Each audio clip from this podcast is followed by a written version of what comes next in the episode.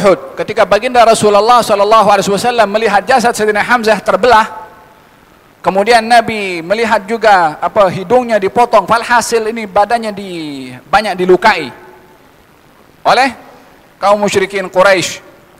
Kata baginda Rasulullah saya akan balas orang berbuat ini dengan 70 orang daripada mereka. Waktu itu terbawa dengan emosi. Perasaan Nabi waktu itu betul-betul uh, terluka melihat bagaimana orang bersikap kepada jasad yang sudah meninggal dunia dengan dilukai satu-satu daripada tubuh badannya. Tengok manusia ini bila mana dah bila mana ganas, ianya lebih ganas daripada binatang. Faham dong? Maka baginda Rasulullah ketika berkata demikian turun firman Allah Subhanahu wa taala. Subhanallah. Ini Al-Qur'an mendidik, membimbing emosi perasaan, hati, fikiran.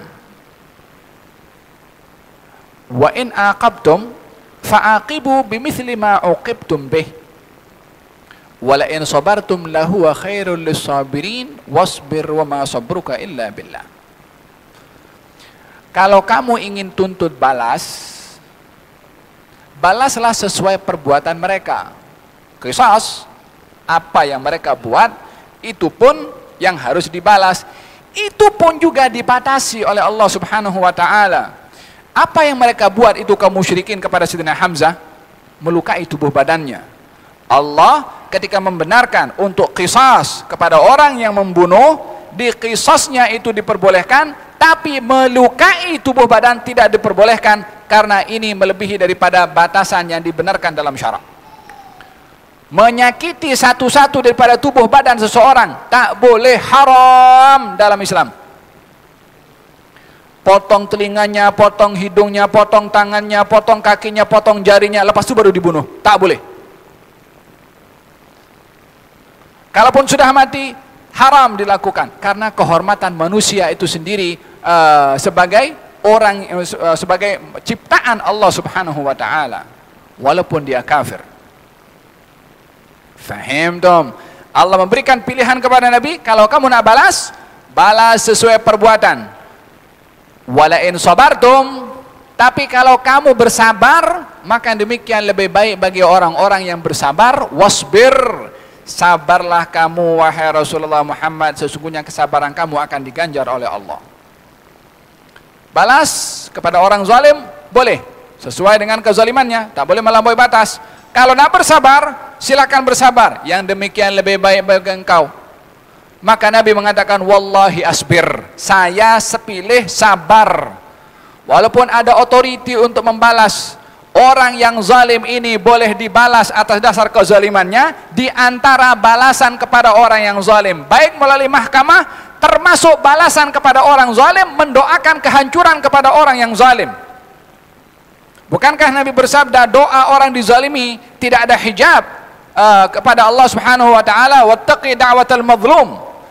Hati-hati kamu daripada doa orang yang dizalimi karena orang yang dizalimi tidak ada hijab doanya dengan Allah artinya akan dikabulkan oleh Allah. Pada masa saat orang yang dizalimi punya ruang menghukum kepada orang yang zalim dengan doa kehancuran, Allah memberi pilihan yang lain. Sabar, maka kesabaran kamu akan dibalas oleh Allah Subhanahu wa taala. Ya salam, kita kalau mendoakan kehancuran kepada orang yang zalim dan orang yang zalim dihancurkan oleh Allah, kita tak ada apa-apa ganjaran. Sebab hak kita kepada orang yang zalim untuk dihancurkan sudah dihancurkan oleh Allah. Tapi kalau kita sabar, wa ma illa billah, kesabaran kamu yang balas adalah Allah Subhanahu wa taala. Orang yang dizalimi kalau tahu ganjarannya nanti di akhirat kalau memaafkan, dia mengatakan andai banyak orang zalim kepada aku, aku maafkan semua. Tapi karena ini masalah emosi, masalah hawa nafsu yang diberi ruang haknya juga oleh Allah. Allah adil, hak emosi yang orang mungkin ditekan, dizalimi tak tahan, boleh dia tuntut. Makanya dibenarkan dalam ayat ini boleh menuntut kepada orang yang zalim silahkan sahaja. Tapi bagi orang yang mau kontrol kepada emosinya, terimalah ganjaran dari Allah Subhanahu wa taala. Walihada kenapa dalam ayat-ayat Al-Qur'anul Karim Allah berfirman wal kadhimin al-ghaidha orang-orang yang mulia itu hal apa itu ayatnya? Wasari'u ila maghfiratin min rabbikum wa jannatin arduha as-samawati wal ard uiddat lil muttaqin. Bersegeralah kamu untuk mendapatkan pengampunan dari Allah dan surga seluas langit dan juga bumi untuk orang yang bertakwa. Siapa orang bertakwa? Alladzina yunfiquna fis sarra'i wad dharra pertama orang yang berinfak dalam keadaan senang dan dalam keadaan susah. Berinfak. Kemudian wal kadhimin al orang yang tahan marah. Orang yang tahan marah ini berbeda dengan orang yang tak punya sifat marah. Orang tak punya sifat marah tak sempurna orang itu. Bagaimana dia akan dapat fadilah tahan marah kalau tak punya marah? Marah itu sifat yang wajar ada kepada seseorang. Kata pepatah mengatakan, "Man istughdiba falam yaghdab fahuwa himar." Orang yang dibikin marah tapi tak marah maka dia umpama keledai.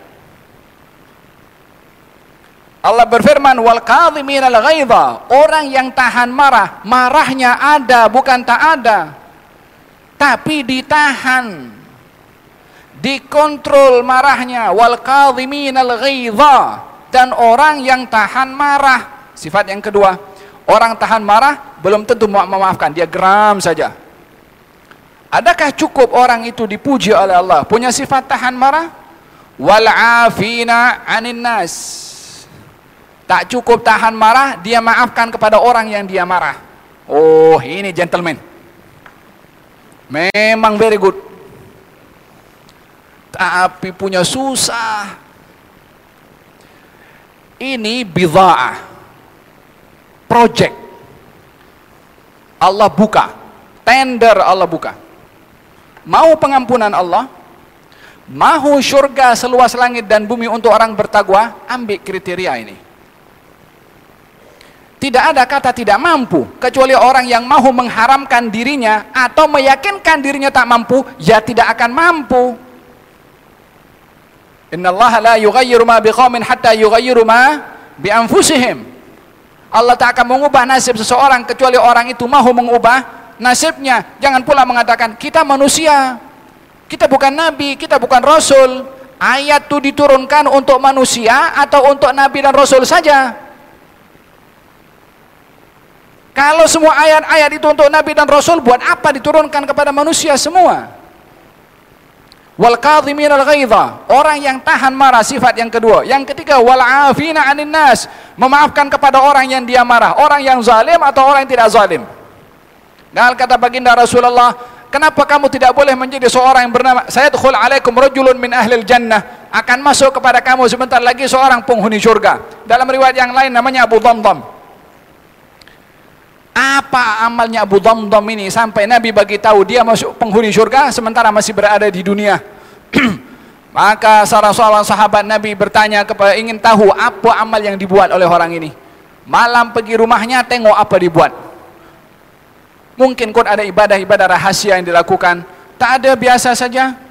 Hari pertama, hari kedua, hari ketiga, ketiga biasa saja. Hari ketiga ditanya, apa amal kamu buat sehingga Nabi bagi tahu kamu penghuni surga? Katanya, apa yang kamu nampak kepada saya dalam beberapa hari ini itulah amal saya. Hanya kebiasaan saya sebelum tidur saya berdoa kepada Allah. Ya Allah saya maafkan kepada orang yang zalim kepada saya yang maki saya yang mengumpat saya yang cakap pasal saya yang buat walhasil apa saja kezaliman yang dilakukan oleh orang dimaafkan. Atas saddagu bi'irzi saya bersedekah dengan kehormatan saya yang dinodai oleh orang lain. Tak mau dendam dengan orang tak mau untuk me, apa namanya membawa kebencian hasad dengki kepada orang.